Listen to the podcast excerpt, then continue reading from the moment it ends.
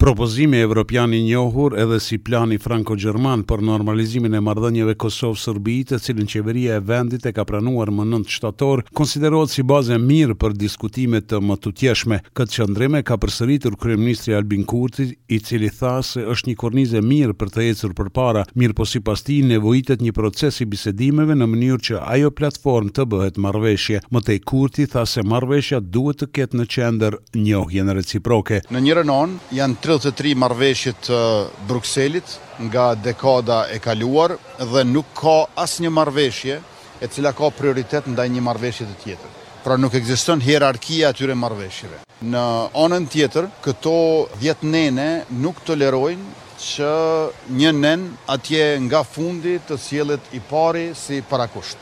Dhe le të mos harrojmë asnjëherë që marrëveshja duhet ta ketë njohjen reciproke në qendër. Duke e përmendur marrëveshjen e prillit të vitit dy mijë e trembëdhjetë për krijimin e Asociacionit me shumicë sërbe, Kurti tha se kjo marrëveshje është e theksuar meqë nuk e ka kaluar testin e Gjykatës Kushtetuese dhe sipas tij procesi negociator do të duhej të shpinte përpara. Në një mënyrë mund të themi që ajo marrëveshje njëmend është e theksuar.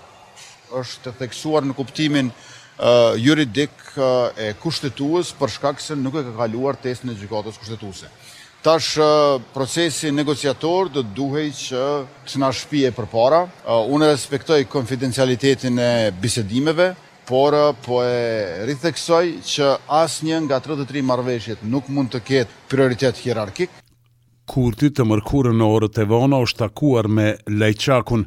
Ai pas takimit ka deklaruar se me kryeministrin dhe kryenegociatorin Besnik Bislimi janë pajtuar për zbatimin e marrëveshjeve të kaluara.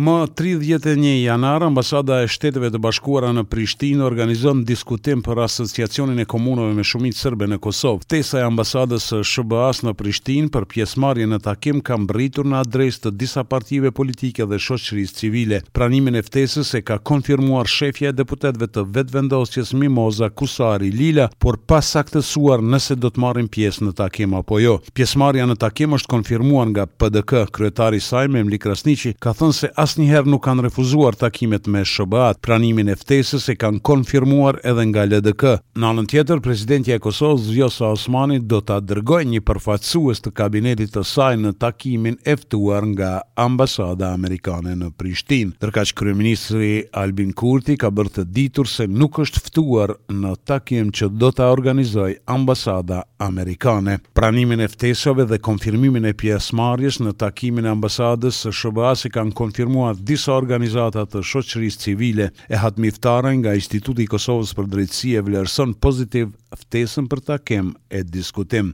Nuk mund të paragjykojmë cilat do të jenë veprimet e mëtejtjeshme lidhur me këtë proces. E rëndësishme është fakti që Ambasada amerikane ka ftuar përfaqësues nga shoqëria civile, qeveria, partitë politike për të marrë pjesë në një diskutim për një temë e cila padyshim që zgjon interesin publik. Takimi i së martës po shihet si një presion i miqve ndërkombëtarë që Kosovës po i kërkojnë themelimin e Asociacionit të Komunave me shumicë serbe. Ka ditë të tëra që mediat në Kosovë po shkruajnë e flasin për ambasadorin e Kosovës në Kroaci, Martin Berishajn, i cili sipas tyre është i përfshirë në një aferë korruptive nëpërmjet kompanisë Gen me seli në Beograd, e cila tregton me energji elektrike. Bëhet fjalë për miliona euro të cilat sipas mediave janë përdorur edhe për mbështetje të fushatës zgjedhore të Lëvizjes Vetëvendosje, parti e cila sot qeveris me vendin. Sot kryetari i Partisë Demokratike të Kosovës, Memli Krasniqi i është drejtuar kryeministrit Albin Kurti me një varg pyetjesh lidhur me ambasadorin e Kosovës në Kroaci Martin Berishaj pas dyshimeve për aferë financiare.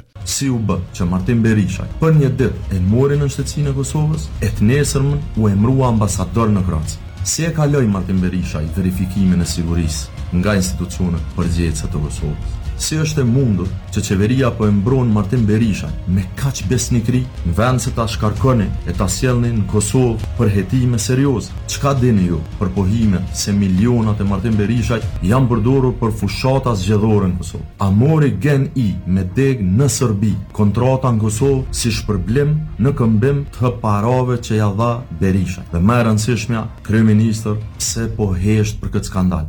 Ndërkaq dje ambasadori Berishaj tha se raportimet për përfshirjen e tij në këtë aferë janë qëllimkëqija, besoj se shpifësit do të dalin para gjyqit ka thënë Berishaj para gazetarëve. Këto spekulime të cilat janë ba, të denigrohet personaliteti im, imazhi i Kosovës dhe të ndërprehet të, të bahen çështje të cilat nuk ka hije të bëhen të futen marrëdhëniet e shkëlqyeshme mes shtetit kroat dhe Kosovës dhe shtetit të Sllovenisë që e fusin njerëz të cilët e kanë dëshirën për të ba emën në emën tjetërkujt. Besoj se këta shpifsa do dalin para gjyq. Instituti Demokratik i Kosovës ka kritikuar Qeverinë e Kosovës sa i përket zhvillimeve dhe mostransparencës ndaj procesit të dialogut Kosovë-Serbi. Në reagimin e kësaj organizate thuhet se mungon debati i strukturuar politik e shoqëror edhe rreth propozimit evropian dhe debatit për Asociacionin e Komunave me Shumicë Serbe. KDI